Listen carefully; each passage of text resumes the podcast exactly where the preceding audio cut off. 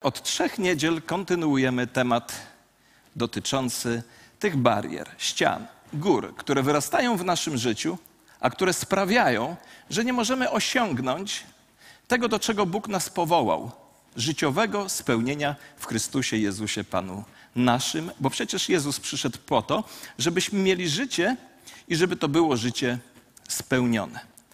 Ale tak już jest, że na drodze naszego życia wyrastają przed nami różnego rodzaju ściany, różnego rodzaju góry, różnego rodzaju przeszkody, o które zaczynamy się obijać, choć tak naprawdę pojawiają się w naszym życiu po to, żebyśmy doświadczyli mocy Bożej i z Jego pomocą wznieśli się ponad to wszystko, bo jak mówi Boże Słowo, z naszym Bogiem jesteśmy w stanie przeskoczyć każdy mur i pokonać każdą przeciwność, a ci, którzy czekają na Pana Boga, mamy obietnicę, że wzbijają się w górę na skrzydłach jak orły, biegną, a nie ustają, chodzą, nie spracują się, ale osiągają to, do czego Bóg ich powołał. To, o czym już wspominałem, życiowe spełnienie w Chrystusie Jezusie, naszym Panu. Ale już tak jest w naszym chrześcijańskim życiu, że lubimy walczyć o swoje głęboko zakorzenione przekonania, przyzwyczajenia i tradycje. A tragedią jest to, że czasami walczymy o to, co tak naprawdę nie ma większego znaczenia. Wiecie, już jest tak, że jeśli dwóch chrześcijan zgadza się co do 99 na 100 punktów swojego wyznania czy tradycji, to zawsze skoncentrują się na tym jednym, który ich dzieli, dokonując bardzo często brutalnego osądu, odsądzając siebie nawzajem od czci i wiary. Dziś więc będziemy mówić o niebezpieczeństwach, jakie czyhają na tych, którzy mają w sobie ducha osądu. A pochylimy się nad znajomą nam wszystkim skłonnością, skłonnością do krytykowania ludzi, którzy nie robią lub nie mówią rzeczy w sposób, w jaki naszym zdaniem powinny być one powiedziane lub powinny być one zrobione. Porozmawiamy o rzeczach, które mogą się wydarzyć, kiedy zbyt szybko wydajemy osąd dotyczący innych wierzących, którzy nie spełniają naszych osobistych standardów. A zakończymy zakończymy kilkoma prostymi radami, które pomogą nam się wznieść ponad osąd. A tytuł dzisiejszego nau nauczania brzmi właśnie Wznieś się ponad osąd. W liście do Rzymian czytamy, że pierwsi chrześcijanie mieli trudności z przyjmowaniem nowych lub odmiennych od nich ludzi do swoich zgromadzeń. Apostoł Paweł poświęcił temu zagadnieniu prawie dwa rozdziały – a my przeczytamy tylko pierwszych 12 wierszy 14 rozdziału listu do Rzymian, który uczy nas ważnej prawdy o przyjmowaniu innych wierzących. Posłuchajcie uważnie. A tego, kto jest słaby w wierze, przyjmujcie, lecz nie po to, aby sprzeczać się wokół spornych kwestii. Jeden bowiem wierzy, że może jest, jeść wszystko, a inny, będąc słaby, jada jarzyny ten, kto je, niech nie lekceważy tego, który nie je, a ten, kto nie je, niech nie potępia tego, który je, bo Bóg go przyjął. Kim jesteś ty, że sądzisz cudzego sługę? Dla własnego pana stoi albo upada. Ostoi się jednak, gdyż Bóg może go utwierdzić. Jeden bowiem czyni różnicę między dniem a dniem, a drugi każdy dzień ocenia jednakowo. Każdy niech będzie dobrze upewniony w swoim zamyśle. Kto przestrzega dnia, dla Pana przestrzega. A kto nie przestrzega dnia, dla Pana nie przestrzega. Kto je, dla Pana je, bo dziękuję Bogu, a kto nie je, dla Pana nie je i dziękuję Bogu. Nikt bowiem z nas dla siebie nie żyje i nikt dla siebie nie umiera. Bo jeśli żyjemy, dla Pana żyjemy. Oczywiście mowa o Chrystusie. Jeśli umieramy, dla Pana umieramy. Dlatego, czy żyjemy, czy umieramy, należymy do Pana. Gdyż po to Chrystus umarł, powstał i ożył, aby panować i nad umarłymi, i nad żywymi. Dlaczego więc ty potępiasz swego brata? Albo czemu lekceważysz swego brata? Wszyscy bowiem staniemy przed Trybunałem Chrystusa. Jest bowiem napisane: Jak żyję, mówi Pan, ugnie się przede mną każde kolano i każdy język będzie wysławiał Boga. Tak więc każdy z nas za samego siebie zda rachunek Bogu. Spójrzmy teraz na tło historyczne tych wersetów. W czasach Rzymu, a w zasadzie w czasach, kiedy Paweł był w Rzymie, to właśnie tenże Rzym był centrum ówczesnego świata, w którym mieszkali przedstawiciele bardzo różnych grup etnicznych. W rezultacie także Kościół w Rzymie odzwierciedlał nie tylko różnorodnie etniczny charakter tego miasta, ale odzwierciedlał także różnorodność w różnych aspektach życia tego miasta.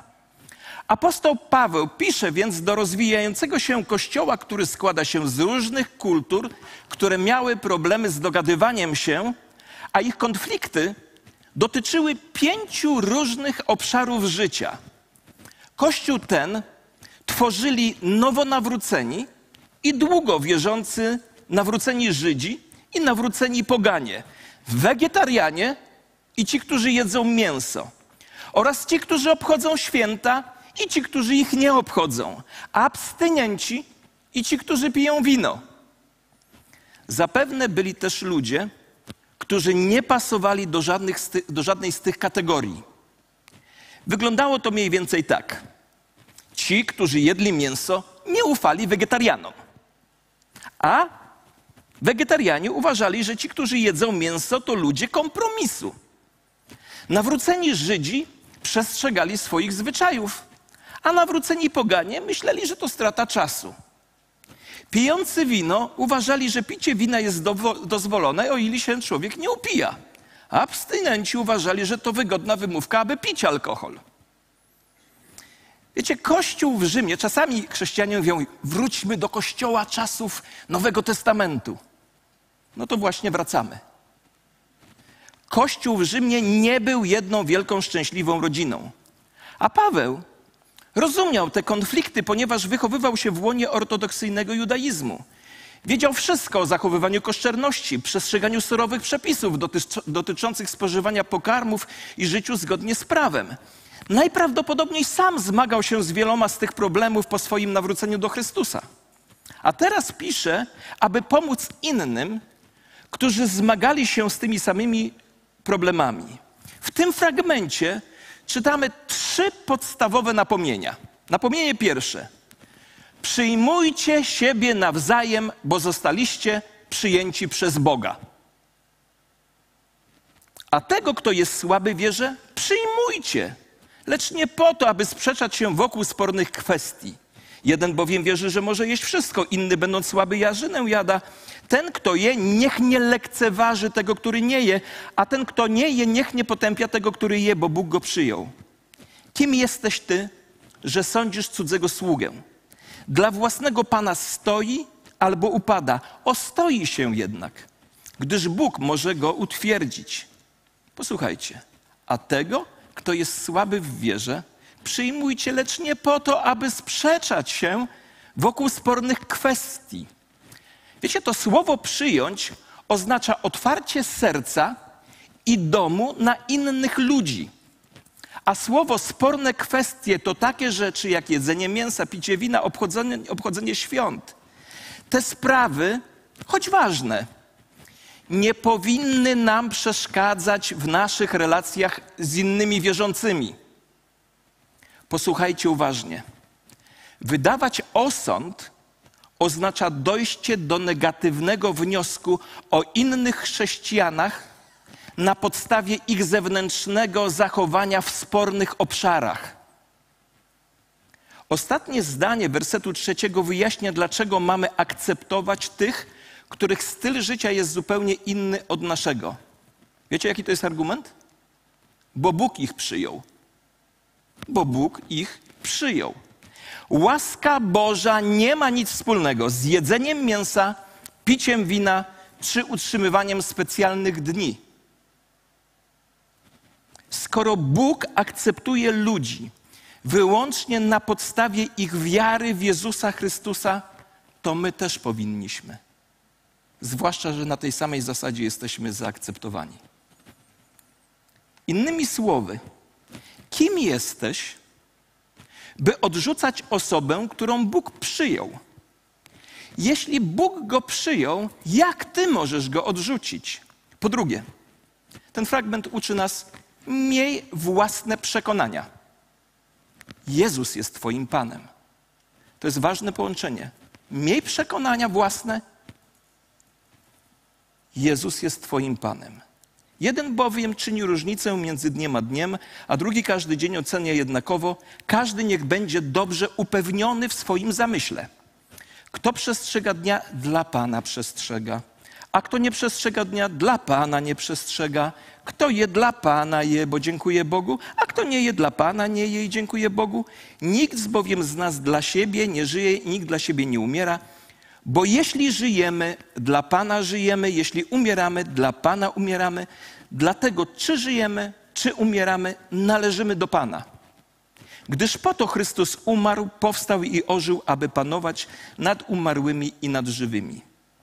Werset piąty mówi wyraźnie: Każdy niech będzie dobrze upewniony w swoim zamyśle.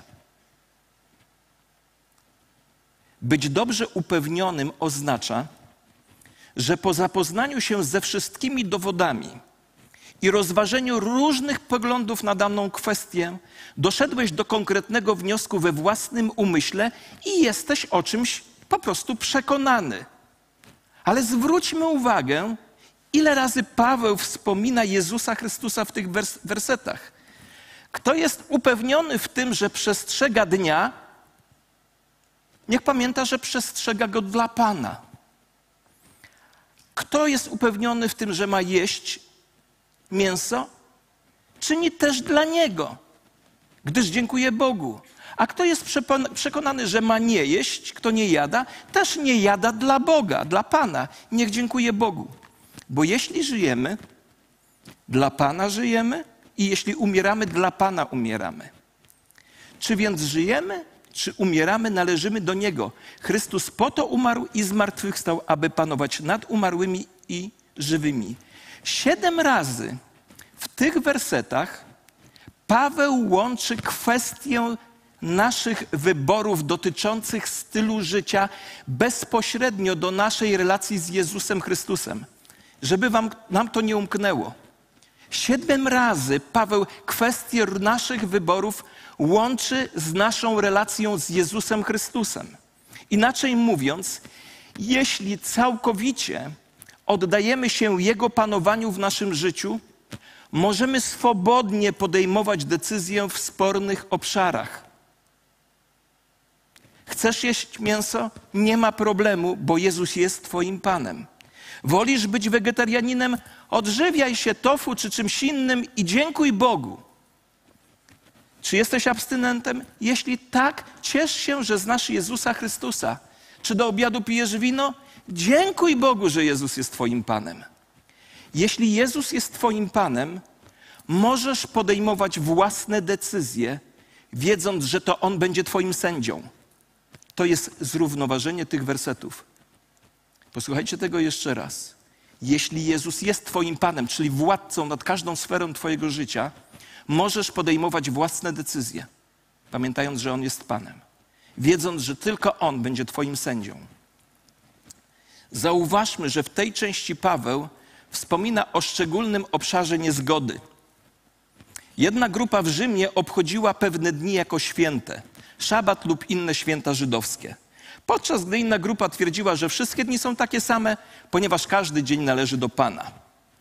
I wiecie, ma to wiele praktycznych konsekwencji.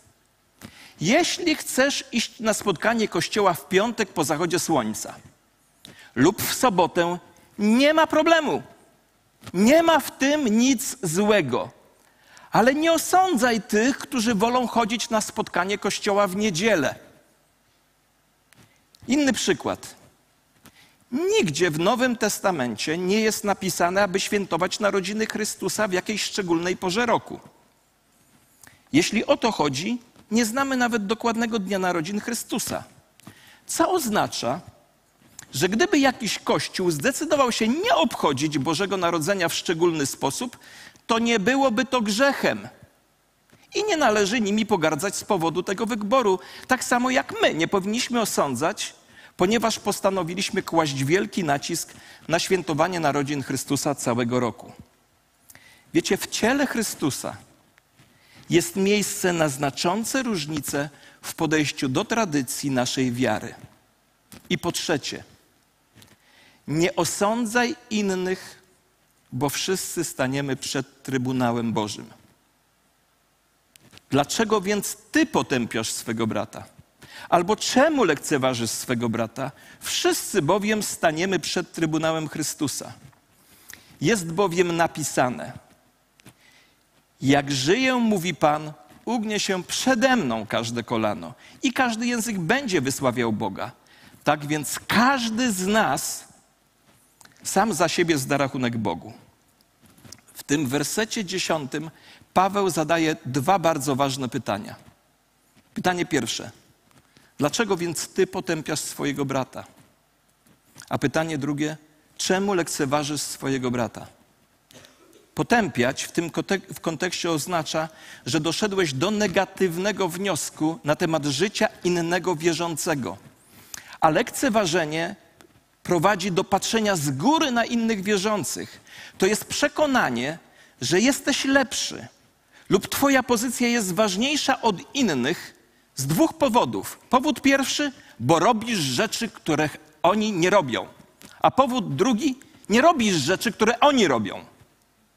Tak czy inaczej, w końcu przestrzegasz siebie jako trochę lepszego chrześcijanina niż Twoi bracia w Chrystusie.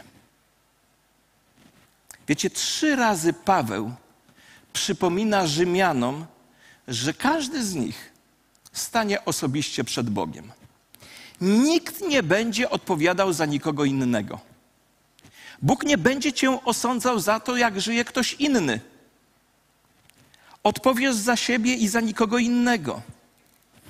Jeśli Bóg osądzi kiedyś Twoich przyjaciół, dlaczego miałbyś się to, Ty w to angażować? On zna ich lepiej niż Ty, kocha ich bardziej niż Ty i zna ich myśli i intencje serca, których w ogóle Ty możesz nie dostrzegać. Co więcej, gdybyśmy więcej spędzali czasu martwiąc się o siebie, mielibyśmy bardzo mało czasu na martwienie się negatywne o innych. A teraz punkt, który ja sobie zatytułowałem Od Rzymu do społeczności chrześcijańskiej północ.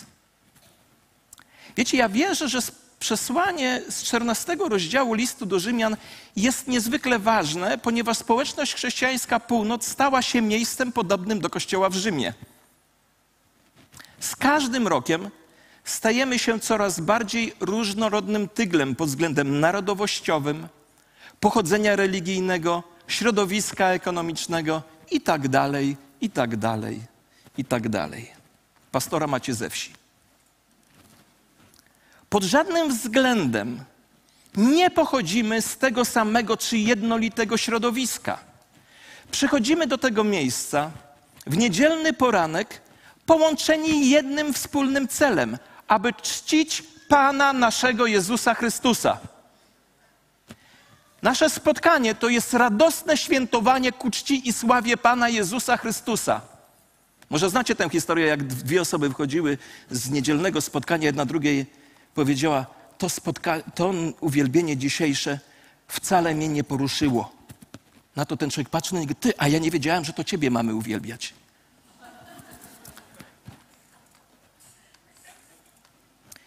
Przychodzimy ze względu na Pana Jezusa Chrystusa. On nas jednoczy. Bez Niego nic, nigdy niczego nie udałoby nam się stworzyć. Nawet takiej grupy, która byłaby razem. Ponieważ jesteśmy coraz bardziej zróżnicowanym kościołem, usługującym w coraz bardziej zróżnicowanej społeczności, musimy słuchać słów Pawła i wprowadzać je w życie. A teraz posłuchajcie kilku, dwóch w zasadzie, albo trochę więcej, podstawowych zasad wynikających z tego tekstu. Bo w tym fragmencie można odkryć kilka ważnych zasad. Zasada pierwsza. Chrześcijanie często się z sobą nie zgadzają. I to stwierdzenie zawsze jest zaskoczeniem dla nowo wierzących, którzy przychodzą do kościoła i myślą, że w końcu znaleźli się w raju na ziemi, gdzie wszyscy się ze wszystkimi zgadzają, wszyscy jesteśmy razem szczęśliwi przez cały czas. Chcę od razu powiedzieć, tak nie jest. Natomiast każdy z nas, kto jest dłużej częścią Kościoła, wie, że jesteśmy po prostu normalnymi ludźmi o szerokiej gamie opinii, których łączy wierność Jezusowi Chrystusowi. Po drugie, spór nie, jest, nie zawsze jest złą rzeczą czy grzecz, grzeszną rzeczą. Spór nie zawsze jest złą czy grzeszną rzeczą. Wielu z nas ma z tym problem, zwłaszcza gdy jakaś drugorzędna kwestia budzi w nas sporo emocji. Niezgodność często odzwierciedla po prostu nasze różnice kulturowe, a nie różnice co do zasad biblijnych.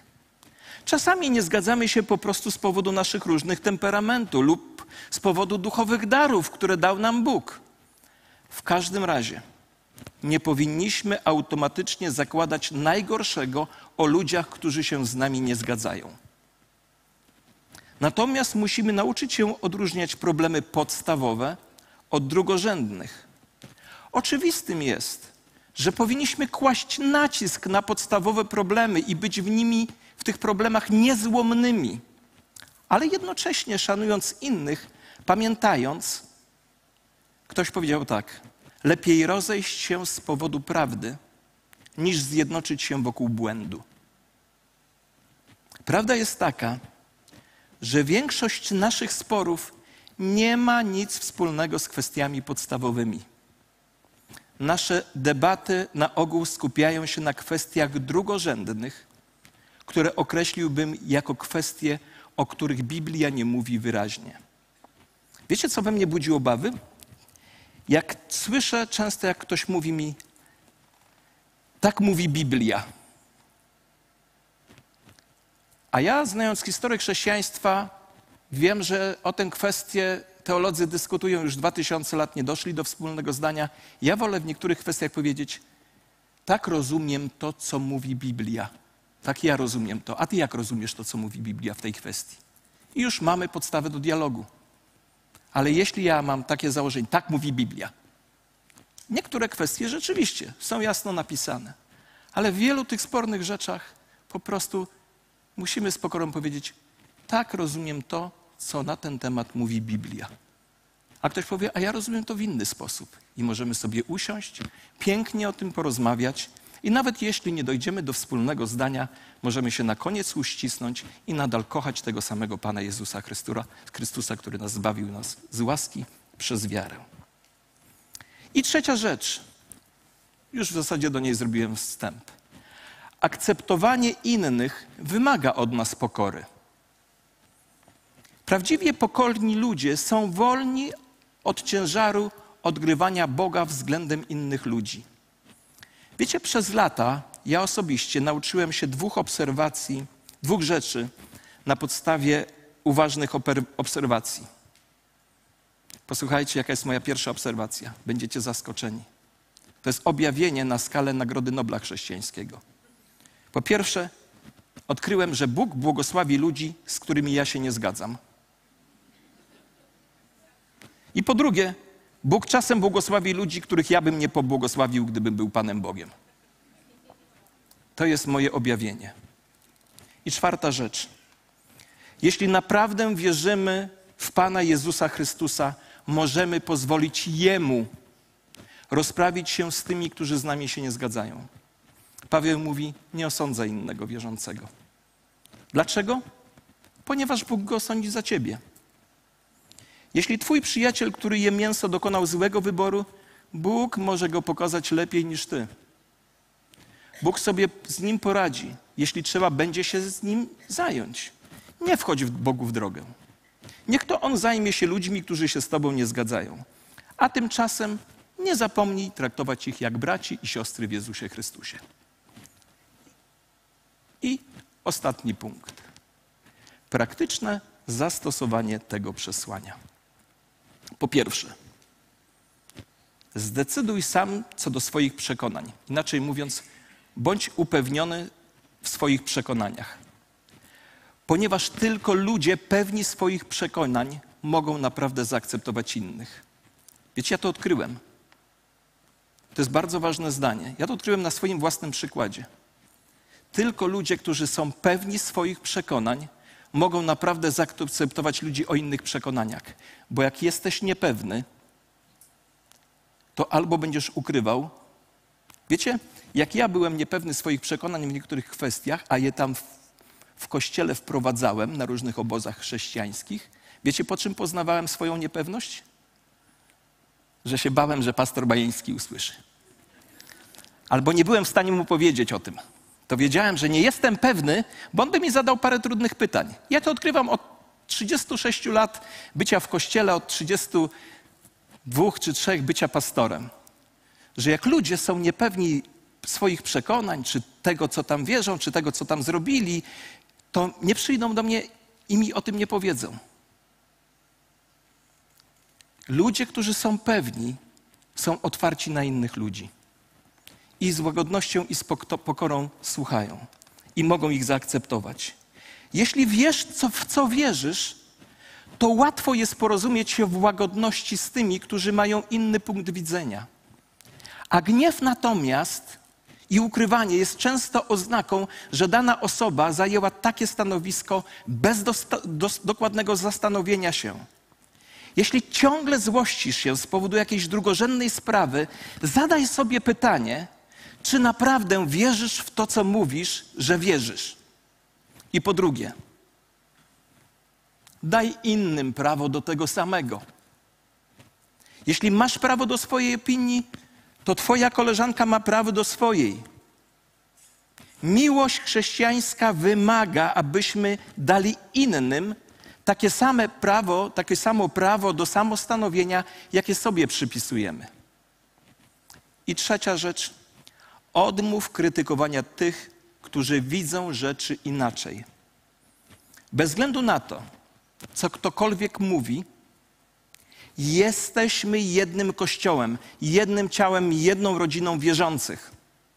I po czwarte, powiększ krąg swoich przyjaciół. Upewnij się, że masz kilku przyjaciół, którzy nie zgadzają się z Tobą w niektórych sprawach. Dobrze jest mieć takich przyjaciół, którzy naprawdę Cię lubią, ale nie zgadzają się z Tobą w każdej sprawie. I po piąte, skoncentruj się na rzeczach, które nas jednoczą, a nie na tym, co nas dzieli. Wiecie, wielkim czynnikiem jednoczącym dla ludu Bożego jest Pan Jezus Chrystus. On zburzył mur, który oddzielał nas od Boga i od siebie nawzajem. W nim jesteśmy zjednoczeni Jesteśmy w ciele Chrystusa i ta zasada brzmi tak. Każdy, kto należy do Jezusa, należy do mnie, a ja należę do każdego, kto do Jezusa Chrystusa należy. W Efezjan, w liście do Efezjan, w czwartym rozdziale, znajduje się lista rzeczy, które nas jednoczą. I my w naszym kościele mówimy, że jest kilka rzeczy, w których jesteśmy absolutnie zgodni, a o reszcie rzeczy mamy, możemy mieć różne opinie. Posłuchajcie, ja jej tylko przypomnę. W tym kościele wierzymy, że jest jedno ciało, czyli jeden kościół Pana Jezusa Chrystusa. Wierzymy, że jest jeden duch, który pochodzi od Ojca i od Pana Jezusa Chrystusa i przyszedł po to, aby Jezus Chrystus został uwielbiony. Że jest jedna nadzieja, nadzieja życia wiecznego w Jezusie Chrystusie, Panu naszym. Że jest jeden Pan, sam, którym jest sam Pan Jezus Chrystus. Że jest jedna wiara, zbawienna w Jezusa Chrystusa, która buduje się na Słowie Chrystusowym. Że jest jeden chrzest, który jest świadomym wyrazem naszej wiary w Pana Jezusa Chrystusa. Że jest jeden Bóg i Ojciec, Pana naszego Jezusa Chrystusa i nas wszystkich. To są podstawowe kwestie życia chrześcijańskiego. To są rzeczy, które zawsze wierzyli wszyscy chrześcijanie na całym świecie. I skoncentrujmy się na tych rzeczach, pamiętając na słynne słowa świętego Augustyna. W sprawach zasadniczych jedność, w mało istotnych kwestiach różnorodność, a we wszystkim miłość. I po szóste, żyj tak, aby nikt nie krytykował Twoich decyzji. Oznacza to życie prawdziwie chrześcijańskie, naznaczone pokorą, dobrocią, współczuciem, miłością do innych, uczciwością, prawością i nadzieją pośród życiowych trudności. Jeśli te rzeczy są obecne w Twoim życiu, to nie ma znaczenia, czy jest tylko warzywa, czy wcinasz mięso. A jeśli te rzeczy nie są obecne w Twoim życiu, to dieta taka czy inna i tak nie będzie miała znaczenia. Żyj tak, aby ci, którzy się z Tobą nie zgadzają, uważali Ciebie za wzór godny do naśladowania. I po siódme, uporządkuj swój własny dom, abyś nie miał się czego bać, gdyż staniesz przed Bogiem. Żyj w taki sposób, abyś nie miał się czego bać, gdy pewnego dnia staniesz przed Bogiem. A jeśli kiedykolwiek poczujesz ochotę, żeby skrytykować kogoś innego, zanim wypowiesz słowo, zatrzymaj się i pomódl się o tę osobę. Proś Boga, aby pobłogosławił tę osobę, módl się, aby Bóg ją prowadził, pomódl się, zanim cokolwiek jej powiesz. Jeśli najpierw się o nią pomodlisz, to może ostatecznie nic jej nie powiesz. A jeśli już coś powiesz, to powiesz to inaczej, ponieważ najpierw się pomodliłeś. Gdybyśmy więcej się modlili, rozmawialibyśmy mniej, a wówczas nasze słowa miałyby większy wpływ. Ktoś mi powiedział podczas mojej próby krytyki, powiedział mi tak: Z ludźmi rozmawiam o Bogu, a z Bogiem rozmawiam o ludziach. Gdybyśmy więcej się modlili, rozmawialibyśmy mniej, a wówczas nasze słowa miały większy wpływ. A teraz myśl końcowa. Pierwszy list do Koryntian apostoła Pawła. Kto uważa, że coś poznał, jeszcze nie poznał, jak należało poznać. Słyszycie? Nawet w takiej kwestii jak zbawienie z łaski przez wiarę nie mamy całkowitego i doskonałego poznania, bo zbawienie jest tak szerokie, że nie jesteśmy w stanie tu na ziemi je poznać. W żadnej kwestii, jeśli jesteś do czegoś przekonany w stu procentach, to apostoł Paweł sprowadza cię na ziemię mówiąc, jeśli uważasz, że coś poznałeś, to pamiętaj, że jeszcze nie poznałeś, jak należało poznać. Ale dalej dodaje, kto natomiast kocha Boga, ten jest człowiekiem, którego Bóg, którego On rozpoznaje. Piękny wiersz. Inaczej mówiąc, nikt z nas w żadnej kwestii nie ma właściwego i pełnego zrozumienia. Spuść więc trochę powietrza i przestać być chrześcijańskim guru, bo niedługo pękniesz.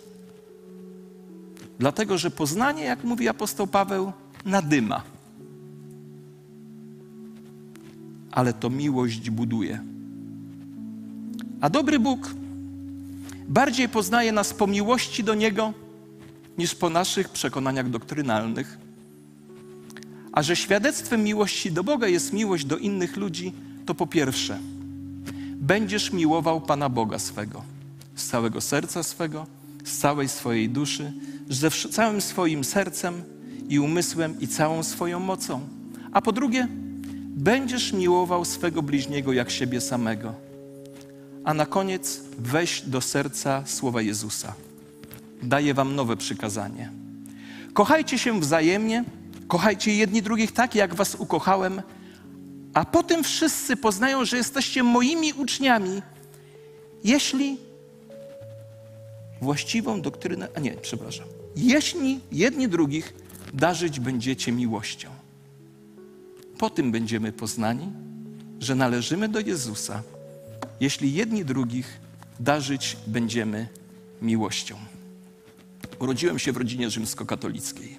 Od szóstego roku życia do siódmej klasy podstawówki byłem ministrantem. Pytania na, z katechizmu odpowiedziałbym dzisiaj jeszcze, bo mam go wbite na pamięć. I powiem Wam szczerze, jestem wdzięczny Bogu, że w takiej rodzinie zostałem wychowany i że przekazali mi to, co sami wiedzieli. Ale uczyli mnie dobrego życia. Pierwszą swoją Biblię tak się stało, że dostałem od świadka Jehowy. Potem uczestniczyłem w studium strażnicy. Następnie skończyłem kurs korespondencyjny biblijny w Kościele Adwentystów Dnia Siódmego. Drugi kurs skończyłem w Kościele Chrześcijan Dnia Samotnego i uczestniczyłem w zaocznym szkoleniu ewangelistów zborowych w tymże właśnie Kościele Chrześcijan Dnia Sobotniego, który kocham, ten kościół jest mi drogi. Później skończyłem seminarium zielonoświątkowe i jestem pastorem Kościoła Chrystusowego. Mam takie poglądy na niektóre rzeczy, że nawet ich publicznie nie mówię. Ale wiem, że jeśli Jezus jest moim Panem, a ja jestem zbawiony przez Niego, to jestem w Jego ręku, tak samo jak wszyscy inni zbawieni przez Niego.